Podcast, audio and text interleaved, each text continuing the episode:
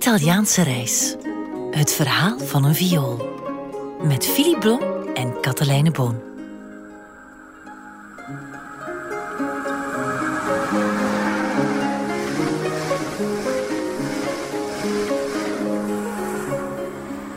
Ik zit op de trein onderweg naar een stadje in de Allgäu, Fussen genaamd. Ja, Fussen ligt aan de voet van de Alpen, tussen Kempten en Garmisch-Partenkirchen.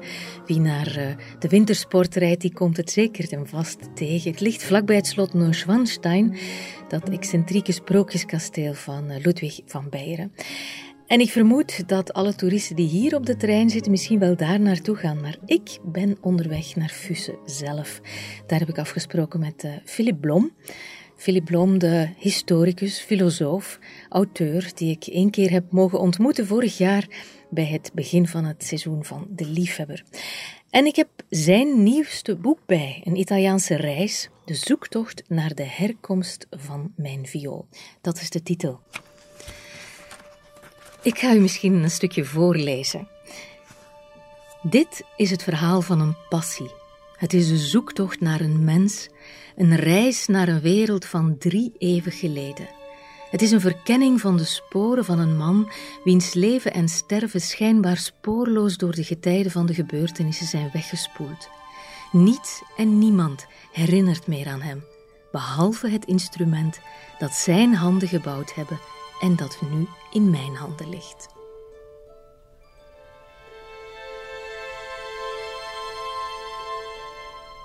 Philip Blom is dus niet alleen schrijver, hij zegt over zichzelf dat hij een vioolspelende schrijver is en geen schrijvende violist. Hij komt als uh, violist en als liefhebber van muziekinstrumenten heel vaak in een atelier van een zekere Marcel Richter in Wenen, waar hij ondertussen woont. Het is een heel onopvallend gebouw waar die instrumentenbouwer woont met een klein koperen naamplaatje naast een zwaar gepantserde voordeur. En achter die voordeur liggen de meest kostbare instrumenten. Het is een fijne plek omdat natuurlijk de grootste muzici er af en aanlopen om die meesterwerken van de instrumentenbouwkunst te kopen of te laten restaureren. Ja, Blom die komt er alleen om uh, die instrumenten te bewonderen. Hij geniet ervan om die kostbare violen die in de kluizen liggen te betasten. En hij mag dat ook van die vioolbouwer. En op een zekere dag valt zijn oog, zijn zeer esthetisch ontwikkeld oog, mag ik wel zeggen, op een bepaalde viool. Het lichaam glimt in de kleur van gouden baarnsteen. De klankkast is van fijn geaarderd sparrenhout, de omtrek is mooi gebogen de F-gaten links en rechts van de kam waarover de snaren lopen zijn rank, helder uitgesneden en evenwichtig in de lijnvoering. Achterkant en zijwanden van een instrument bestaan uit mooi gevlamd ahorn. Uit de weerspiegeling blijkt de uitstekende kwaliteit van de lak. Dit is het werk van iemand die zijn vak verstaat. De proporties van het lichaam zijn elegant met een helder idee over de vorm uitgevoerd. De vlakke, spanningsrijke welving doet denken aan instrumenten uit de school van Amati. Opvallend zijn de scherp gesneden, expressieve en bijna eigenzinnige hoeken die afstaan als de vleugels van een stijve boord. De krul, het uiteinde van het instrument bovenaan het verlengstuk van de handgreep, is opmerkelijk klein, fijn gedraaid en smal, subtiel gesneden, heel ongewoon. Krul en lichaam horen bij elkaar en onder UV-licht kun je zien dat ook de lak nog grotendeels origineel is.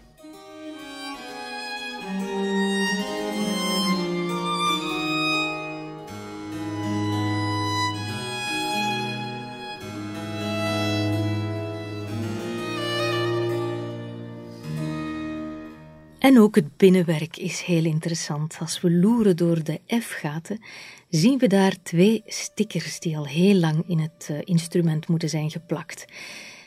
Een traditioneel gedrukte sticker met de naam van de vioolbouwer erop. In dit geval Carlo Giuseppe Testore Incontrado Larghi. Het is moeilijk leesbaar. In Milano al segno dell'Aquila 1605. Is dit een testore, een Carlo Giuseppe Testore, de grote Milanese meester. Als dit een echte testore zou zijn, dan was ze wellicht een fortuin waard. En dan denk ik dat misschien Philippe Blom wel niet dat fortuin had om ze te kopen. Maar helaas, de sticker is duidelijk vals, want 1605 is bijna 60 jaar voor de geboorte van Testori. Iemand is er heel even niet met zijn gedachten bij geweest. En boven die valse Testori-sticker zit er een tweede, waarop staat gerepareerd H. Voigt, vioolbouwer Wenen 1882. En die sticker is echt. Voigt was in de 19e eeuw in Wenen een van de beste adressen voor vioolrestauraties. Philippe Blom beseft meteen dat hij een heel bijzonder, raadselachtig, misschien zelfs mysterieus instrument in handen heeft. En Marcel Richter, de vioolbouwer, ziet hem staan met die viool in zijn handen en spreekt hem daarover aan. Oh, die, zei Marcel tussen neus en lippen door. Die is heel interessant. Ze is rond 1700 gebouwd in Italië, maar wel door een Duitser. Dat kun je zien. Dit soort hoeken, dit soort groeven, helemaal aan de rand, de positionering van de F-gaten, dat kan alleen iemand geweest zijn die zijn vak in het zuiden van Duitsland heeft geleerd, in de Allgäu om precies te zijn en zeer waarschijnlijk in Fussen. Daar kwamen vooral in de 17e eeuw heel veel vioolbouwers vandaan, maar dat is nog nauwelijks onderzocht. Dat duidt er allemaal op dat hij in de Allgäu in elk geval in leer is geweest. Maar de welving en de vorm die zijn helemaal Italiaans, de lak ook overigens. Dat kon toen een tijd alleen in Italië. Ten noorden van de Alpen werden er nog niet zulke violen gebouwd, niet zo goed, niet met zo'n welving die van Amati is afgekeken en niet met zo'n fraaie grondlaag. Dat is dus het enige dat Marcel Richter over die viool weet te vertellen. Enkele luttele en vage aanwijzingen over de herkomst ervan, dat hij ze ooit ergens gekocht heeft omdat hij dacht dat het iets heel bijzonders was. En dat het misschien een tot dan toe niet geïdentificeerd Italiaans meesterinstrument was, maar in slechte conditie. Maar wat hij wel weet is dat ze duidelijk uit de vroege 18e eeuw is, in Italië gebouwd, maar met een sterke invloed vanuit de Allgäu. Allgäu, waar Fussen het hart was van de instrumentenbouw. En dat stadje waar ik nu naar op weg ben. Nächste Halt, Weißenhof heraus, mit dem Fahrzeug rechts aussteigen. Marcel Richter geeft Philip de raad om de viool mee naar huis te nemen om ze gewoon wat in te spelen. En dat is nodig, want ze is net gerestaureerd. En dus, eh, dat moet uh, je Philip Blom geen twee keer zeggen, die neemt die prachtige onbekende viool op, stopt ze heel voorzichtig in een koffer en neemt ze mee naar huis. Gelukkig kwam Marcel Richter hem tegemoet toen hij na een eh, worsteling van maanden toch besloot om die viool te kopen. Hij wilde Philip en de viool bij elkaar brengen, zei hij, en hij deed hem een goed pot. En zo begon de reis, die haar oorsprong vond in een vraag, een aanraking, een ontmoeting. Elke keer als ik mijn viool in handen nam, elke dag als mijn werk en mijn reizen het toestonden, voelde ik dat ik iemand ontmoette Iemand die tien generaties geleden geleefd had en iets gemaakt had dat ook na zo lange tijd nog steeds zijn stem kon verheffen en mensen kon roeren. Ik wilde die persoon ontmoeten, hem leren kennen. Maar ik wist niets over hem, geen naam, geen plaats. Ik had niet de minste aanknopingspunt. De man die dat instrument zo meesterlijk had gebouwd, was in de afgrond van de geschiedenis verdwenen in de historische vergetelheid geraakt. Misschien had hij het nageslacht niets anders nagelaten dan dit stuk hout, dit enige getuigenis van zijn leven. Dat, zo voelde ik het, was reden genoeg het getuigenis als een sleutel te gebruiken om het leven van een onbekende te ontsluiten. Op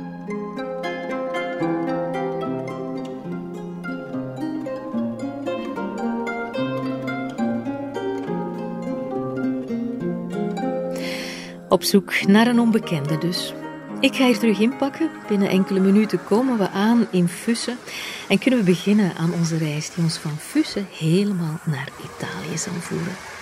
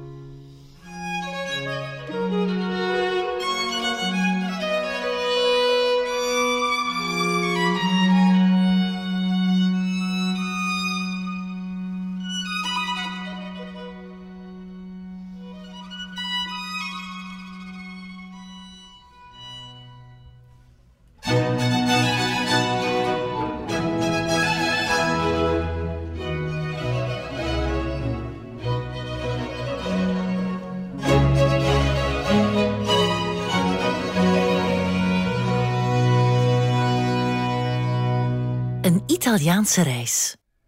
Het verhaal van een viool. Met Philip Blom en Katelijne Boon.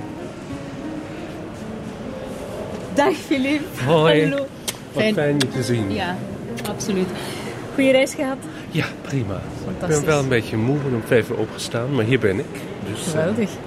En we gaan eh, op tocht, hè? we gaan op tocht. Spoor zoeken. Ja, Fantastisch. Heb je je viool bij?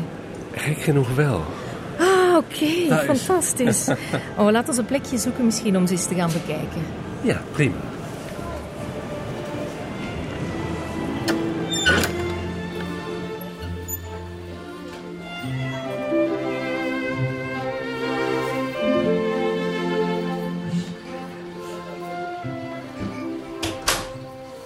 Zo, dat is hem. Ehm, Daar ben ik heel nieuwsgierig. ja, Een heel boek over gelezen en daar is ze dan een eindelijk. heel boek over gelezen. Ze zit Eén. goed beveiligd in die Hij kist. zit goed beveiligd in de kist. De kist, dat is nogal ironisch, komt uit Cremona. De viool niet, maar de kist wel. Oh. En nu ga ik die open doen. Een plonk. Komen de snaren tot leven. Een fluwelen foudraal. En ze, is, ze lijkt kleiner dan, eh, dan ik dacht. Zeker de krul. De krul is heel klein. Dat is ook bijzonder van die viool. Want ook een beetje de, misschien de Duitse oorsprong van de maker. En inderdaad, in de Zuid-Duitse gotiek heb je heel fijne houtsnijwerken. Dat was een heel kunst. En dan de viool zelf. Waarvan Ehm, je zegt dat eh, de hoeken scherp gesneden zijn. ja, deze hoeken, die komen ze naar buiten en die willen, die gaan echt, eh, die staan echt heel sterk in de wereld.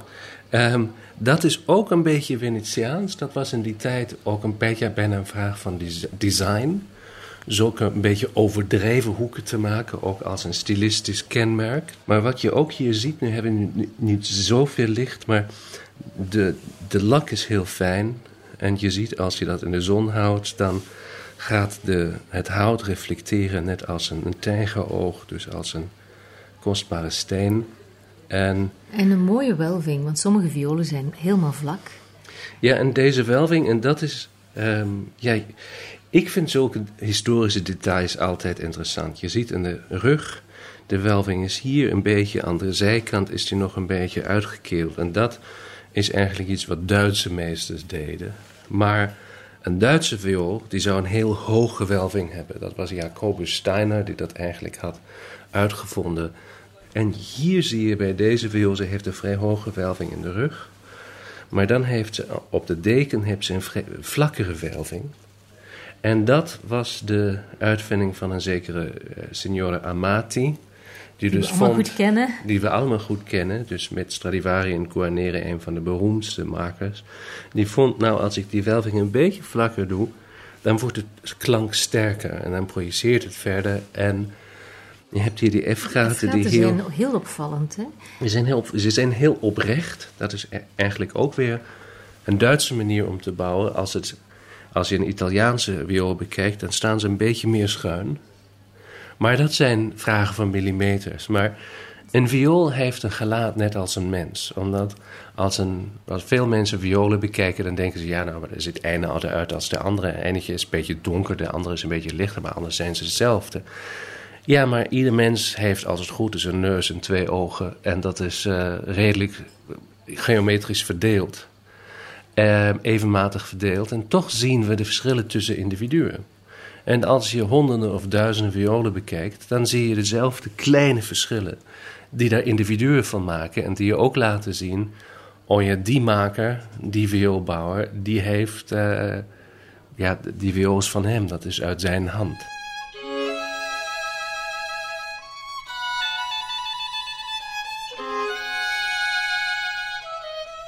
Meteen bij de thuiskomst probeerde ik haar uit. Het geluid was jammerlijk. Dun en vochtig als een kelder, schil en hol alsof de klank zich diep in het binnenste had verschanst. Zo'n mooi instrument, en het was een stem kwijt. Als het die althans ooit had gehad. Ik bleef spelen, uit nieuwsgierigheid en ook om Marcel een dienst te bewijzen omdat een ingespeeld, goed afgesteld instrument is beter te verkopen, spreekt meer aan onder de handen van de geïnteresseerden. Maar toen, na enkele dagen intensief spelen, bloeide ze langzaam op. Er dienden zich nieuwe resonanties aan. De toon werd warmer en krachtiger. Op de onderste snaar ontstonden duister geaderde klanken, warm en ademend als de stem van een jazzzangeres die geen gemakkelijk leven had gehad een stem die vreugde en leed even diep in zich had opgezogen. De hoogte was helder als opgewreven zilver, daartussen lag een heel landschap van klankkleuren die langzaam toegankelijk werden, eerst toevallig, daarna steeds gecontroleerder.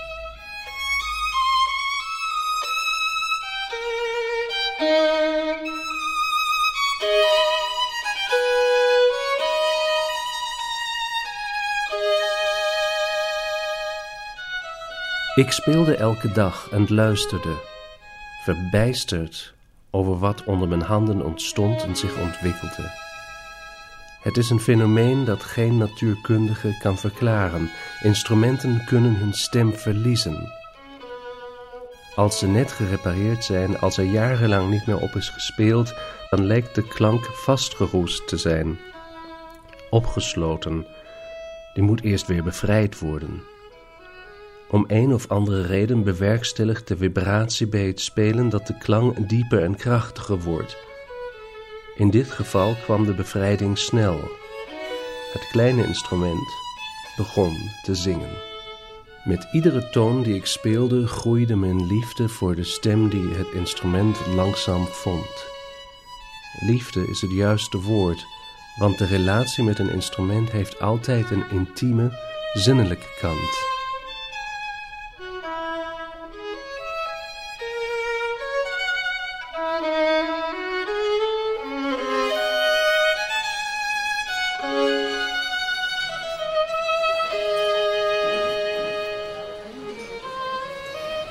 Ze glanst heel mooi. Die lak is blijkbaar nog authentiek.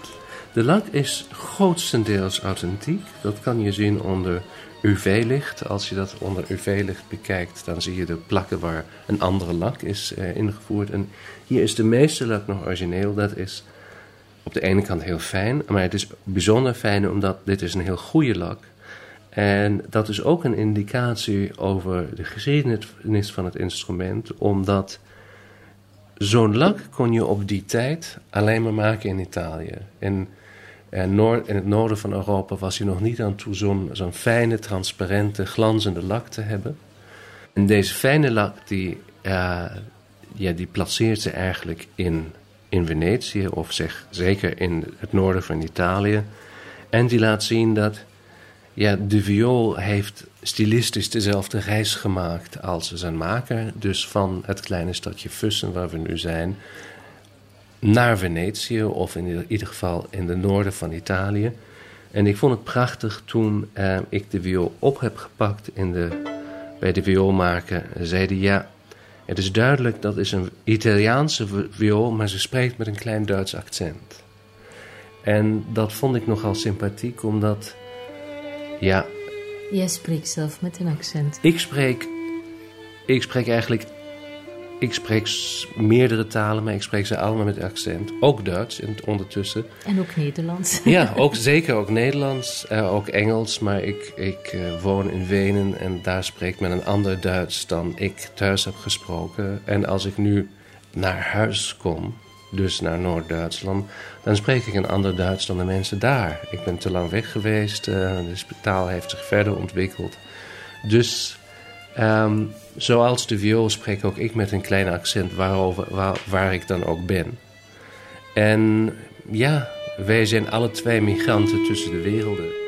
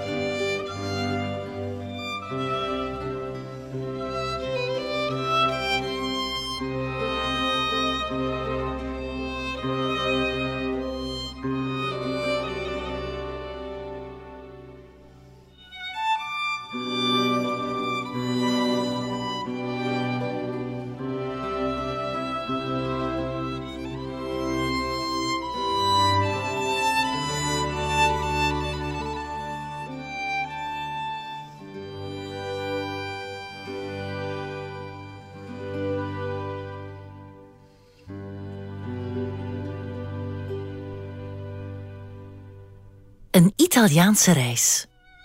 Het verhaal van een viool. Met Philip Blom en Katelijne Boom.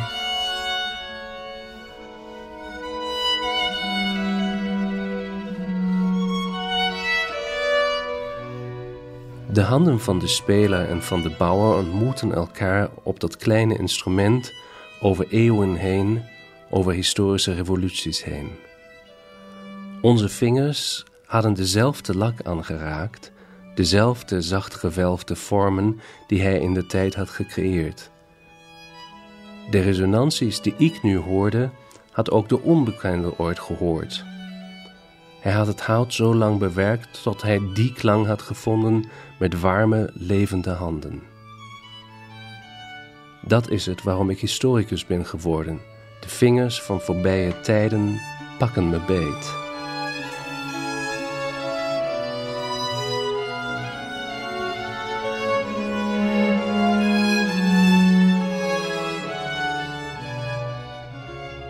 Wie was die mens met die ik verbonden was door een gezamenlijke ervaring, een techniek, misschien een passie, een reeks onbekenden? Had hij heimwee gehad als hij inderdaad een emigrant was geweest die vanuit de Algoy in Italië terecht was gekomen? Was hij gelukkig geweest? Wat had hij als kind beleefd? Waar geloofde hij in? Was hij een goede minnaar? Had hij elke dag een volle maag en waarvoor was hij bang? Had hij er ooit over nagedacht wie zijn instrument in de toekomst in handen zou houden?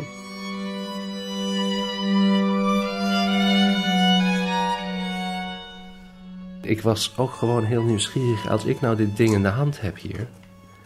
En ik doe mijn vingers erop, dan doe ik die op dezelfde plaats als iemand 300 jaar geleden. En die iemand, met die verbindt me iets daardoor.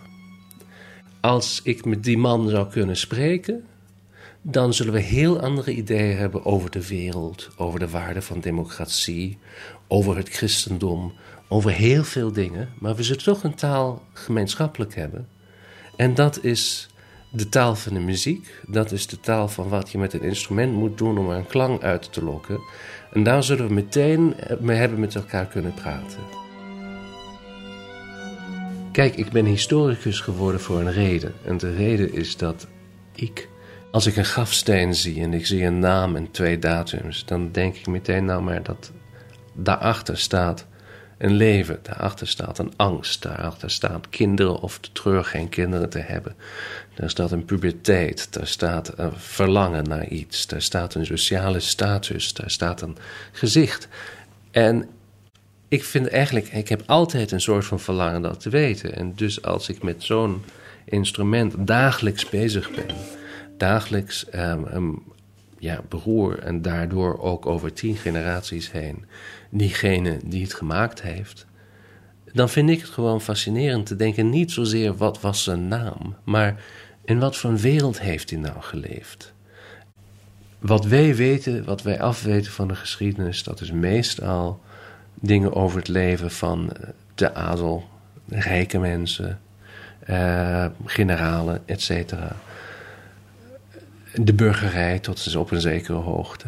Maar als je dan komt naar de laag van de mensen die misschien niet konden lezen en schrijven, die geen persoonlijke documenten hebben achtergelaten, die zelf een aanraking met de staat hadden, dus alleen maar als ze belasting moesten betalen of gestraft worden of geteld worden, maar anders eigenlijk niet in de documenten opschrijven, dan dat zijn de meeste mensen. Dat zijn meer dan 90% van de mensen die hebben geleefd en over die hebben we bijna geen informatie. Ehm, en dan probeer je dus naar aanleiding eigenlijk van zo'n object te kijken, nou, ik weet er moet iemand bestaan hebben die heeft dit ding gebouwd, omdat anders zou ik het niet in handen kunnen houden. Van die man weet ik niets af. Ik kan wel proberen de stijl te lezen van het instrument en zeggen wat vertelt het object mee over zijn maker.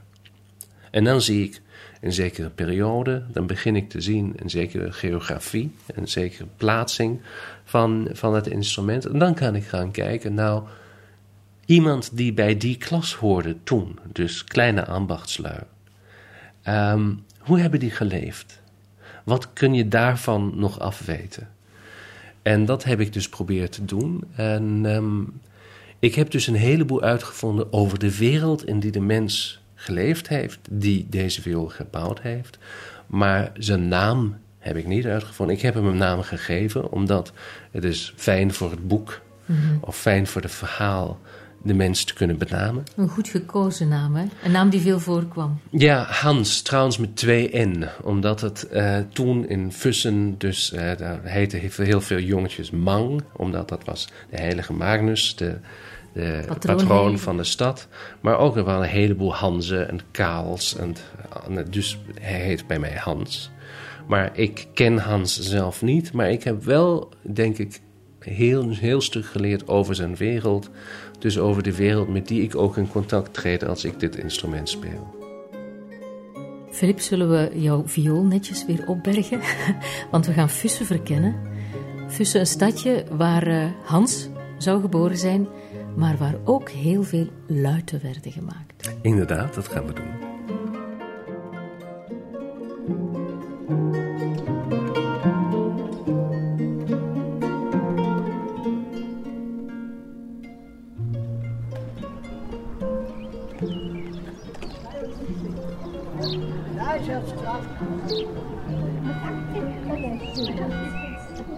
En dit is Fussen dus.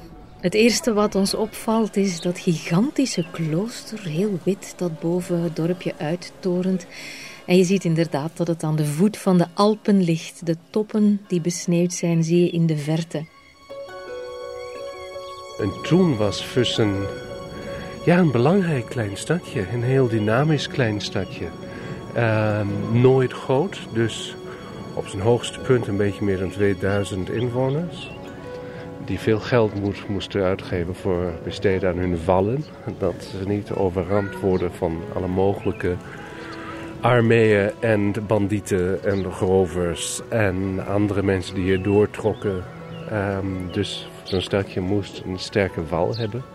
Er is ook een standbeeldje met een luidbouwer, precies. Hè? Of iemand die een luid draagt. Ja, gaan we er naartoe.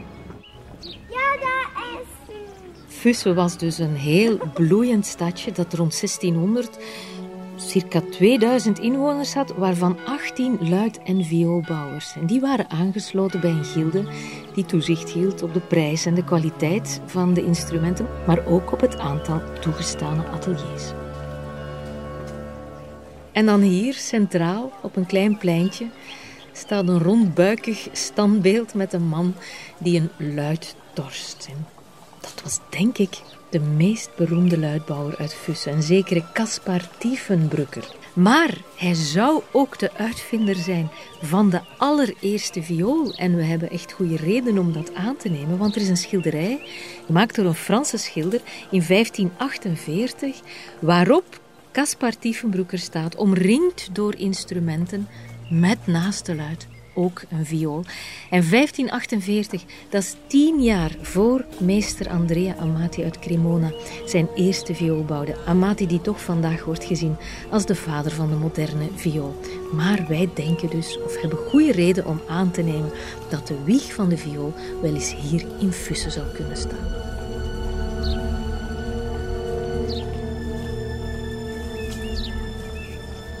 Diefenburger had dus een netwerk dat ging door Frankrijk, eh, natuurlijk naar Fussen en Zuid-Duitsland en tot naar Italië. En hij heeft overal Diefenburgers heen, eh, heen gestuurd om zo een soort van kleine dynastie op te bouwen, een klein uh, familienetwerk. En het is ook al heel interessant, je ziet dat was niet wat wij vandaag begrijpen als ambacht. Dat dus ergens een eenzaam iemand zit en ja, te knutsen zit om iets te maken. Maar dat was een soort van seriële productie al. En ze hebben zeker al geprobeerd met, naar mate van hun technologische mogelijkheden, um, je productie rationeel te maken. Mhm. Dus er worden dingen die, waarvoor je niet zo vreselijk veel... Uh, vaardigheid moest hebben, die worden van boeren hier in Vussen in de winter gemaakt. Als die niet op het veld konden werken, maar dan konden die, eh, zoals ze noemden, lautenspenen, dus eigenlijk de stukken die de, de buik maken, de luidspanen, ehm, produceren. En die worden dan gebracht naar die mensen die daar instrumenten van maakten. In Venetië of elders in Italië of in Frankrijk of natuurlijk ook in Duitsland. Ehm, en dit was dus echt de, zeg maar zo de, de middenpunt van een spinnennet, wat, wat een heel stuk van Europa doorging. En ehm, wat niet zo romantisch functioneerde als wij dat vandaag denken. Maar toch wel ook, ja, die mensen wilden ook op, opschieten. En die moesten ook iets produceren. Er was ook een zekere, natuurlijk een zekere concurrentie daar.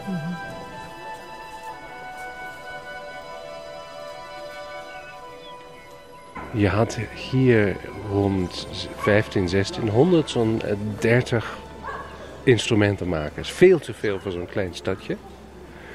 Niemand had zoveel instrumenten nodig. Maar daarom begint natuurlijk het grote verhaal hier ook. We weten van dozijnen van zulke jongens die nog hier in de archieven um, um, opkomen.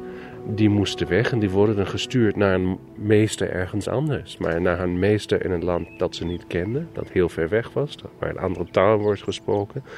En waarvan ze bijna zeker wisten dat ze hun heimat nooit weer terug willen zien. Of kon, konden zien. Dat was een, echt een one-way ticket. Als je hier wegging van Fussen als jonge, ja, soms elfjarig jongetje, soms zeg maar 16 of zo. Dan uh, ging je weg en dan heb je, uh, ja, dan heb je jouw adieus gemaakt met je hele familie. Omdat dat zijn mensen die je nooit meer terugziet. Uh, nu begint een ander soort leven. Bijzonder voor de mensen die naar zuiden gingen. Dat waren een grote hoeveelheid. Was dat dan ook um, natuurlijk, er was een heel grote symbolische barrière tussen het leven hier en het leven daar. En dat waren de Alpen. En de Alpen toen, dus als we denken aan een Alpenoverquering in de jaren 1580 of 1600 of zo. Er was geen straat. Daar kon je niet met een koets over. Um, je kon op een muildier daar uh, um, naartoe. En was, dat waren wegen die waren soms heel gevaarlijk. Er waren wolven, er waren rovers. Um, er was slecht weer plotseling. Je kunt ingesneeuwd worden. Je kunt je weg verliezen. Um, dus was, het was gevaarlijk. Um, mensen zijn ook de, dal, in de dallen ingestoord. En uh, ze beschrijven dan hoe zij uh, deze overquering moesten maken. En dat was, ja, dat deed je één keer in je leven eigenlijk.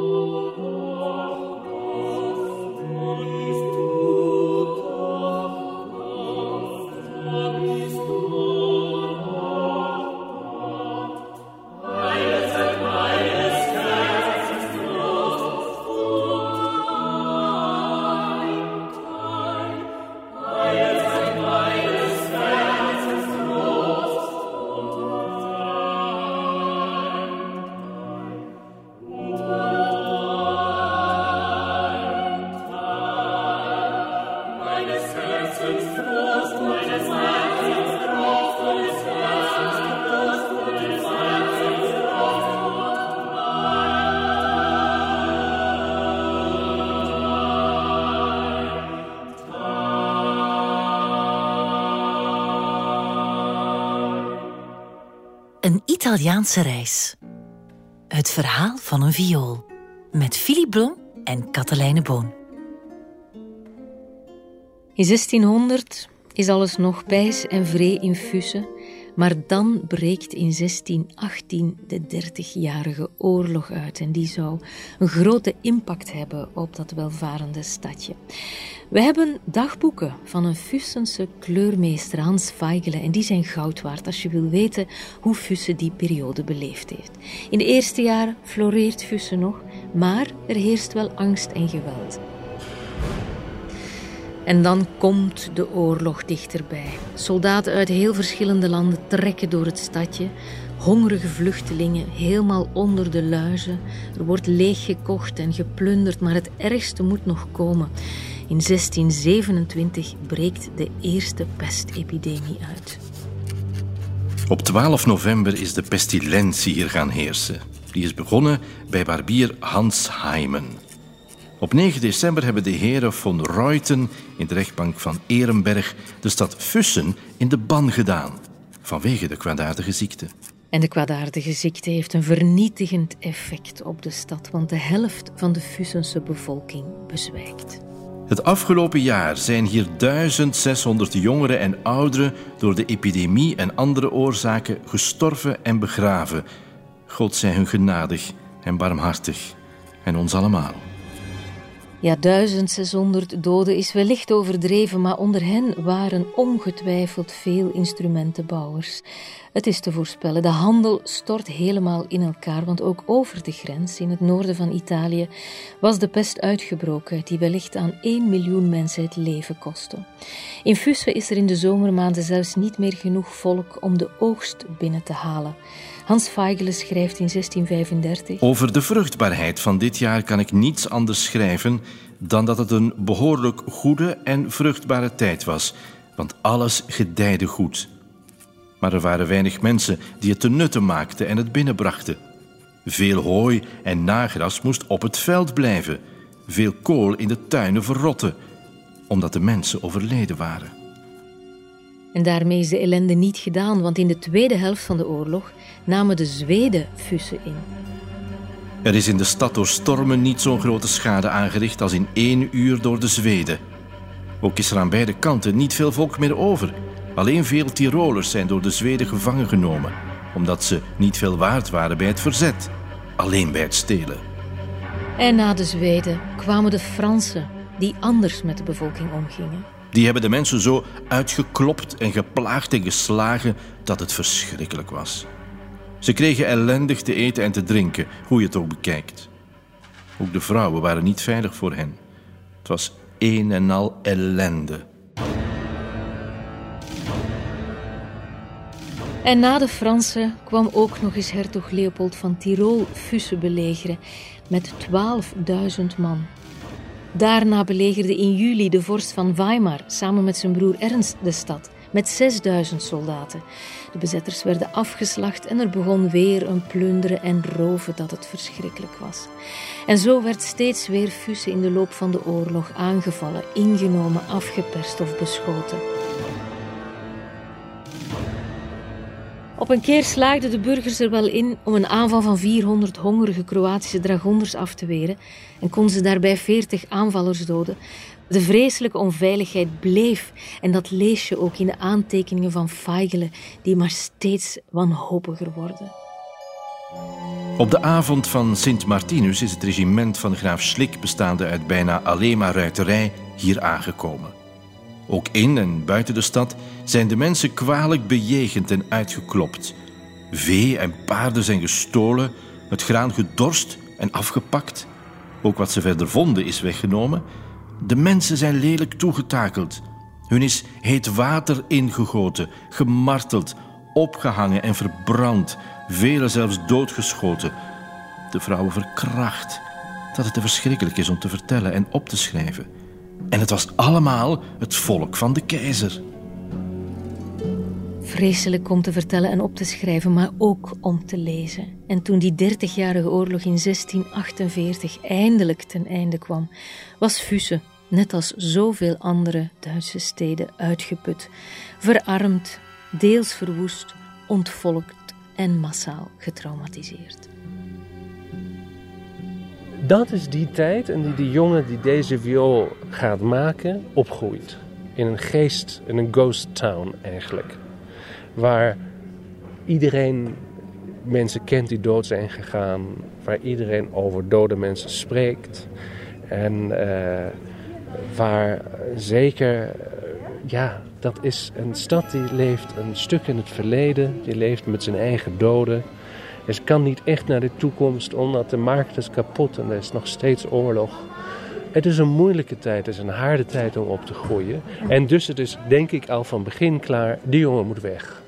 En Fusse is er nooit bovenuit geklauterd? Niet echt. Um, de vioolbouw in Fussen is, heeft nooit de kwaliteit bereikt van de luidbouw.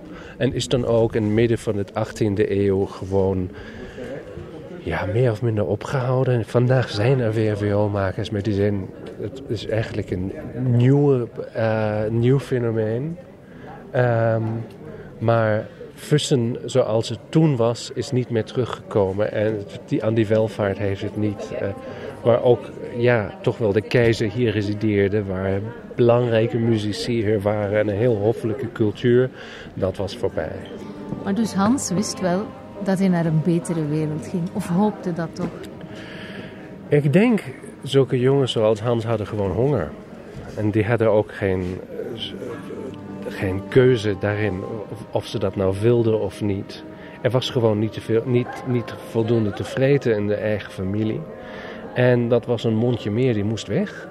Um, en dan wordt hij weggestuurd, hopelijk naar een meester die hem welgezind was met een, met een brief van aanbeveling, zodat hij dan ook daar goed terecht kwam.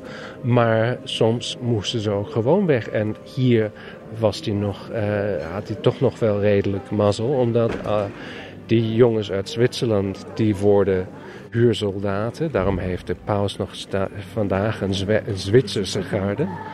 Um, en ja, dat is natuurlijk, eh, je kunt daar een fortuin mee maken als je ontzettend geluk hebt, maar meestal ga je dood. De jongens in de Ticino, dus het zuiden van hier, die worden levende schoorsteenvegers en moesten dus door de schoorstenen doorklimmen als kleine jongetjes en stierven heel vlug van een stoflong. Uh, en hier konden zulke jongens instrumentenbouw leren en dan weggaan, het immigreren. Maar dat was gewoon, zo was de wereld. Uh, deze landschap kon niet alle mensen uh, voeden die ze voortbracht. En ja, daarom is het ook een verhaal van, van migratie. Een verhaal van een tienjarig, misschien veertienjarig jongetje die tegen die bergen opkijkt. Die daar zijn ongelooflijke rotsformaties met eeuwige sneeuw op aan de top. En dan zeggen die mensen, daar moet je overheen. En daar kom je niet meer terug.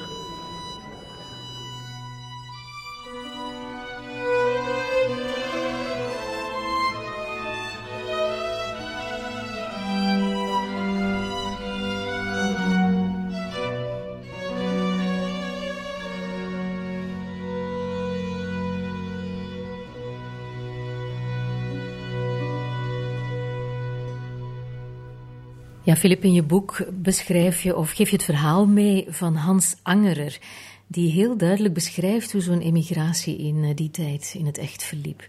Ja, um, kijk, het is altijd het probleem documenten te vinden over de mensen, omdat het mensen waren die niet veel schrijven, bijna geen brieven naar huis schrijven, et cetera. Dus hun levens zijn een beetje verloren. En mijn Hans, dienstleven ken ik niet. Maar deze Hans, dat was ook een Hans uit Vussen. En die kwam en die, daar hebben we toevallig wel documenten van hem. We weten dat hij geboren wordt in 1627, dus ja, in de 30-jarige oorlog, drie jaren voor de grote pestepidemie. En die moest dus ook weg, maar hij, was, hij had geluk. Um, zijn neef was een koopman in Milaan, dus daar heb je al het netwerk wat bestond naar Italië. En deze kooplui die hebben vaak met verschillende dingen handel gedreven. Dus met hout, met stof, ook heel vaak stof uit Vlaanderen. Uh, maar ook met instrumenten. Uh, Zo'n beetje van alles. En daar is deze Hans Anger dan terechtgekomen. Hij wordt over de Alpen gestuurd, daar was hij ongeveer 12. Dit is dus een heel exemplarisch verhaal En dan, uh, vandaan wordt die Giovanni. Dus Giovanni Angere leeft dan in uh, Milaan en dan komt hij naar Turijn, waar hij bij een vioolbouwer begint te werken. En deze vioolbouwer is ook een onderdeel van de familie, Sebastian Angere. En die doet, vrij, doet het vrij goed. In, uh, dat, dat zien we omdat hij zich dan zelf vrijkoopt uit de lijfeigenschap. Dat betekent dus, de mensen toen, die waren nog lijfeigen, die hadden eigenlijk niet de vrijheid uh, rond te lopen. Misschien was Sebastian gewoon weggelopen, maar nu kon hij dus aan de kerk iets stichten om zichzelf vrij te kopen van de lijfeigenschap. En deze Sebastian heeft gecorrespondeerd met de mensen in Fussen. Hij is ook niet teruggegaan, maar het was, is wel een correspondentie. En vandaar kennen we dit verhaal van het kleine jongetje die over de Alpen komt en daar werkt. En we kennen ook de verhalen van een zekere hoeveelheid andere leerlingen die dezelfde reis hebben gemaakt en dan uh, hier terecht zijn of in Italië terecht zijn gekomen om daar um, te werken en hun leven te, uh, te leven. Ik denk dat de jongeman die deze viool dan heeft gebouwd, zeker niet als jongen, omdat het is een instrument van een meester, het is een instrument van een, van een hand die heel goed weet wat hij doet. Um, maar deze jongen was ook zo iemand zoals Hans Angeren die je de Alpen over wordt gestuurd. Heinrich Isaac heeft uh, ja, heel wat generaties voor Hans ook een tocht gemaakt. Onder andere Innsbruck achter zich gelaten en daar een prachtig stuk over gemaakt. Hè? Ja, dat hebben deze leerlingen zeker ook. De route ging over via Innsbruck. En ja, je kunt je voorstellen dat deze prachtige melodie, dat ze die, die komt uit, uit die, ook uit die tijd. Ik kende ze misschien. Innsbruck, ich muss dich lassen. Innsbruck, ich muss dich lassen. Een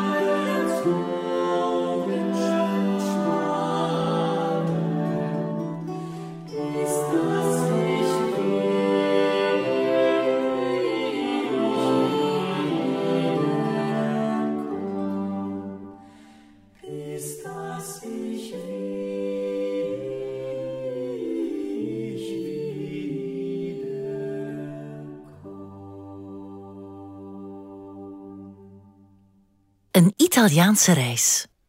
Het verhaal van een viool. Met Philip Blom en Katelijne Boon. Fussen. Het is op die compleet verwoeste en getraumatiseerde plek dat enkele decennia later de vioolbouwer moet zijn geboren van Philip Bloms viool. Een viool die heel duidelijk gemaakt is rond 1700, Italiaans lijkt, maar heel duidelijk Zuid-Duitse elementen in zich draagt. En die jongen is hier geboren, moet hier opgegroeid zijn, heeft hier de knepen van het vak geleerd, de vioolbouwkunst onder de knie gekregen. Werd Hans naar school gestuurd, of hadden zijn ouders daar misschien geen geld voor? Wel, de kans is groot dat hij naar de kloosterschool ging, waar de leerlingen ook instrument en zangles kregen. En dat klooster is makkelijk te vinden, want het torent uit boven Fussen, het Sankt Manklooster.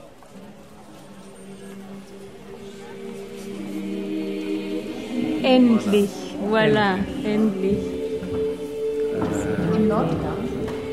Zo schön. We zijn onder de poort binnengestapt en staan nu op de grote rechthoekige binnenplaats van het Sankt Manklooster, dat heel duidelijk barokke invloeden heeft. Dat zien we toch aan het hoofdgebouw dat recht voor ons staat. Het is blijkbaar een klooster dat in eh, de barokperiode helemaal gerenoveerd is. Het is een typisch voorbeeld van het machtsvertoon van eh, de katholieke kerk, die in de contra-reformatie haar schatten en haar eh, uitstraling wilde vergroten door vooral impressionante bouwwerken neer te zetten. En dat hebben ze dus in Fussen ook al gedaan. Dit was de machtigste plaats van Fussen. Hier zat de abt, hier zaten de monniken en hier was ook een school. Want het is zeer mogelijk dat um, de jongen die ik Hans heb genoemd, die dus mijn viool heeft gebouwd, dat hij hier op school zat en hier een instrument heeft geleerd, dat die dus ook iedere dag door deze deur is gekomen. Die patroonheilige was een beetje een patroonheilige van een minderwaardige garnituur. Sankt Mang. Ja, Sankt Mang of Sankt Magnus, als het natuurlijk eigenlijk was. Um, dat is zeker geen heilige met die een grote uh, pelgrimsstroom uh, kan, Op kon brengen. Nee. Uh, Sankt Mang was een, een hermiet die dus ergens alleen leefde en een natuurlijke dood stierf in het 8e eeuw misschien. Hij kwam misschien uit Ierland of was in ieder geval onderdeel van de christianisering van deze streken. En um, ja, hij is dus niet spectaculair ten dood gemarteld. Hij was geen martelaar. Hij was ook geen glamoureuze uh, heilige.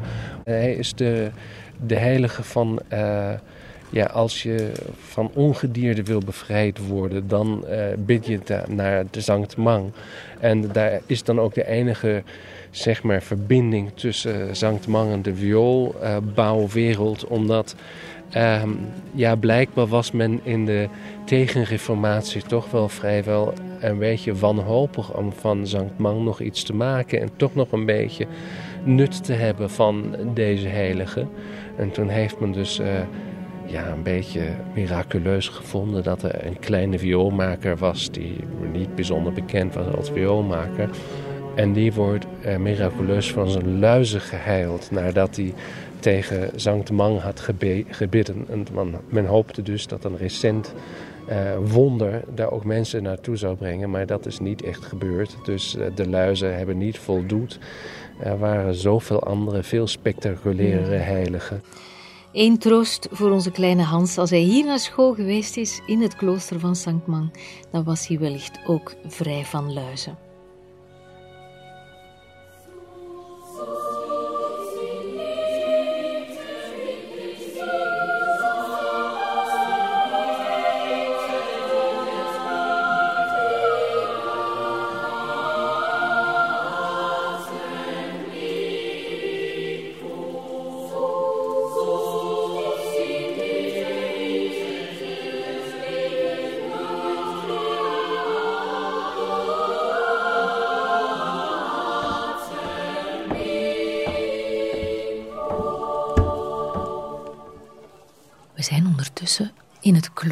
Binnengetreden. En het is heel duidelijk als we hier doorstappen over een grote loopbrug. Zien we beneden de fundamenten liggen van het oude klooster, duidelijk middeleeuwse klooster, waarboven dan heel dit barokke complex gebouwd is. En terwijl we langs de wanden lopen, waar hier en daar zelfs nog bewaarde graffiti uit vroegere eeuwen te zien is, met heel opvallend afbeeldingen zelfs van viool en van luid, volgen we twee mensen. Thomas Rietmiller, de expert uit Fussen, die alles weet over dit stadje en zijn instrumentenbouw. En een zekere dokter Anton Englert, de directeur van het huidige museum. Zij nemen ons mee naar de Sint-Anna-kapel, want daar hangt iets waarop Fussen heel erg trots is: de Fussense totendans.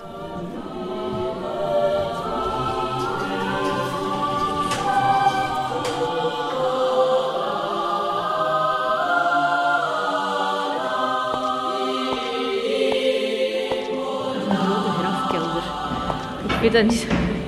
Je we... Zijn hier net over die grafkelder, eigenlijk twee grote deuren, gestapt, trapjes op en we zagen dan een altaar. Maar het meest bijzondere is als we ons terugdraaien naar de deur waar we vandaan gekomen zijn. En dan verheft zich voor ons oog een uh, heel groot tableau van ongeveer drie op vier meter. Dat bestaat uit vier rijen met telkens vijf scènes. Dus in totaal zie je hier twintig scènes waarop mensen staan afgebeeld die duidelijk herkenbaar zijn aan wat ze aan hebben. Je kan er bijvoorbeeld een paus in onderscheiden of een, uh, of een bisschop. Je ziet jongvrouwen. En heel bijzonder is dat er overal in elk tableau ook skeletten zijn. En die skeletten die trekken die personages mee, vragen hen als het ware ten dans. En je ziet er ook uh, op, elk, op elke scène zie je ook muziekinstrumenten. En ze zijn heel verschillend, vaak blaasinstrumenten. Je ziet natuurlijk ook de typische attributen van de dood, namelijk uh, de sikkel en het houweel. En dan op rij 2, centraal, zie je een herbergier die door de dood wordt meegetrokken, terwijl op een heel groot ja, wijn- of biervat, weet ik veel, een, uh, een ander geraamte viool speelt.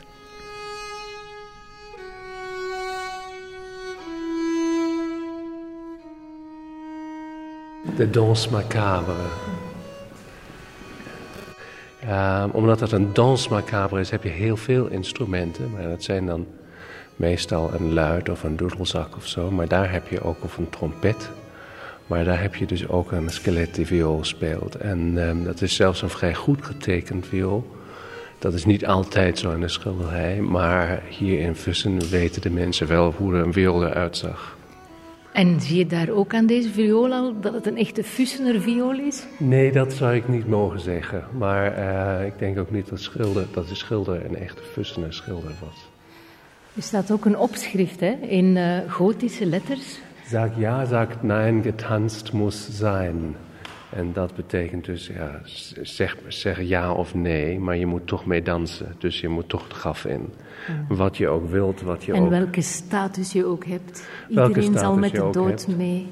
En het is heel interessant, de, dit is eigenlijk een vrij late dans macabre, omdat het, dat wordt een sujet in de kunst vrij plotseling in het midden van het 14e eeuw naar de grote pestepidemie die in Europa doorging. En waar je dus inderdaad kon beleven dat zowel de rijken als ook de armen uh, slachtoffers worden van die epidemie. En dat had ook een zekere democratiserende effect toen. Uh, eerst inderdaad op zeg maar, de iconografie en de religie, omdat het blijkbaar wordt dat ja, niemand was zeker Um, ook een hoge zeg maar, geestelijke staat heb je niet geholpen. Um, maar dan ook in de middeleeuwse geschiedenis inderdaad voor de, voor de arbeiders. Omdat er waren gewoon minder mensen om het werk te doen. Dan hadden die een betere positie om ook ja, zeg maar, hun eigen condities uit te handelen. Dus dat was ook inderdaad een, vrij grote uh, druk voor uh, een soort van democratisatie van de maatschappij. Maar de doodsdans die is dan via Frankrijk eigenlijk over heel Europa gegaan. En er zijn heel spectaculaire voorbeelden. En dit is een vrij late dans, dus van, ik denk 1602 wordt die afgeschilderd. En ja, natuurlijk kan ik mij niet verweren met te denken, de jongen die mijn viool heeft gebouwd, die toen de vioolbouwer was, misschien stond hij ook hier een dag. Het is zeer mogelijk dat hij op school was in dit klooster.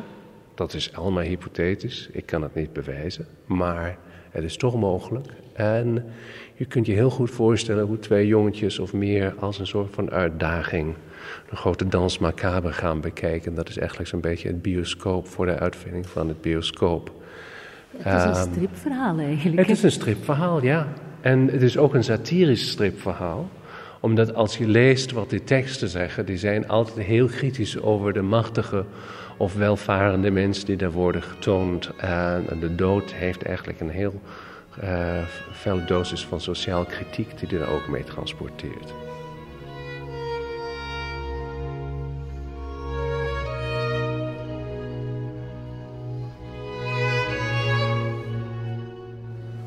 Ja, de dood is in de laatste jaren vrij present geweest in mijn leven. Ik heb zelf uh, ziektes gehad die anders hadden kunnen eindigen. Mijn vader en mijn moeder zijn gestorven. Um, daarom is het uh, misschien ook een zoeken naar iets levendigs. En daar is niets meer wat, wat meer levendig is dan de muziek. Maar ook de levende mensen die daaraan vasthangen, die de muziek hebben gemaakt en die de instrumenten hebben gemaakt. Um, de dood is er altijd en de dood is een schandaal. Het zou niet mogen gebeuren. Het slaat nergens op. Maar die is er en we kunnen niet zonder hem leven. En daarom is het juist zo belangrijk zulke momenten te creëren waar je Waar je moment zonder kunt zijn, waar je moment kunt vergeten dat dat een realiteit is. En dat is een vorm van eeuwigheid. En dat is uh, niet slecht dat te cultiveren. Of je dat in een religieus context doet, of zoals ik in een ander context, een artistic context. Het is een, het is een belangrijke dimensie van het leven.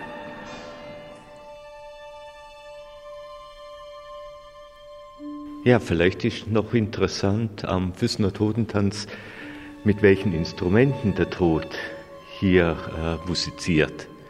Das sind eigentlich lauter Instrumente, die eher niedrig eingestuft sind. Also sind Instrumente, die Lärm machen, die nicht hohe Musik produzieren. So fehlt im Füßner Totentanz typischerweise, und das ist für die Stadt Füssen als Lautenmacherstadt typisch, es fehlt die Laute als Instrument. Die gibt man dem Tod nicht in die Hand. Denken Sie, dass äh, die Violine eine ähm, schlechte Reputation hat? Es, es, war für die Straßenmusiker die. De charlatani. Die charlatani, ja. Ja, die dodendans zegt natuurlijk ook iets over de toch misschien eerder slechte reputatie van de viool rond 1600. De viool die rond die periode het instrument was voor rondtrekkende muzikanten en charlatans, oplichters, gewoon die mensen het geld uit hun zakken wilden schudden en die zich in herbergen ophielden. En ik begrijp eigenlijk wel dat die viool zo'n handig instrument is. Het was ondertussen gestandardiseerd van vorm. Het was makkelijk mee te nemen. Het was veel sterker dan een luid. En je kon op een viool alles spelen wat je maar wilde. Elk geluid kan je ermee nadoen. Je kan er mee als een trompet klinken, maar je kan er even goed mee kwinkelieren als een vogel. Het is, uh, het is een instrument dat bijzonder veelzijdig is en handzaam, dus makkelijk om mee te nemen. Uh, vandaar ook dat de viool ja, zo'n hoge vlucht nam en stilaan, maar zeker de luid voorbij stak in populariteit. Een van de van de meest belangrijke muzikale vormen van die tijd is een passacaglia. En dat is een, eigenlijk een cyclus van variaties, maar over een baslijn. En dat klinkt vrij technisch, maar het is exact wat jazzmuzici vandaag ook doen. En dat was interessant voor die mensen, omdat ja, muziek was populaire muziek. En passer la calle, dat, dat bedoelt heel gewoon door de straat lopen. En de muzici moesten een stuk hebben wat voldoende lang was om welke weg dan ook uh, te klinken en dan ook op kon houden als het niet meer nodig was. En dus deze cyclus van variaties die zich altijd herhalen, waar mensen met elkaar kunnen improviseren, die was daar ideaal voor. Um, en dat hoor je hier nog een beetje, dat zie je hier nog een beetje in die Nons Macabre. Dat de muziek die ze maken, dat is geen hoffelijke muziek, dat is geen spirituele muziek. Dat is muziek voor gewone mensen. En daar hoorde de viool bij in die tijd, dus rond 1600. En uh, Filip, jij gaat er nu eens spelen, een passacaille. Ja, um, het begint met een heel klein motiefje, vier noten eigenlijk alleen maar. Dat heb je trouwens in die sarcon van Bach ook. Daar heb je ook eigenlijk Zo is het hele stuk gebouwd. Dat verhaalt zich 50 keer en dan komt het tot een einde. Maar in deze passacaglie, die is een stuk simpeler. En daar hoor je dat begeleidende motief, dat hoor je altijd. Het basmotief. En het begint gewoon met vier nootjes. Je kunt bijna denken aan een soort van jazz. Dat is een stukje langzamer en dan begint het.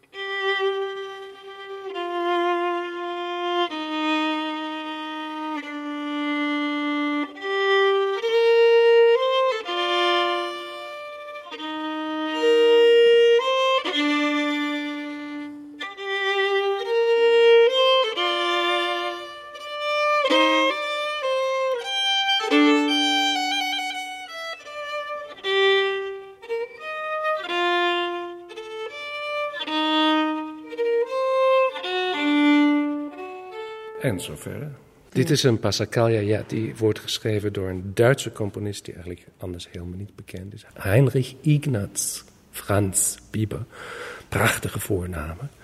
En hij was een viool-virtuoos en componist die ook uh, voor viool heeft geschreven. Daar moet je dan de snaren anders stemmen om dat te kunnen spelen.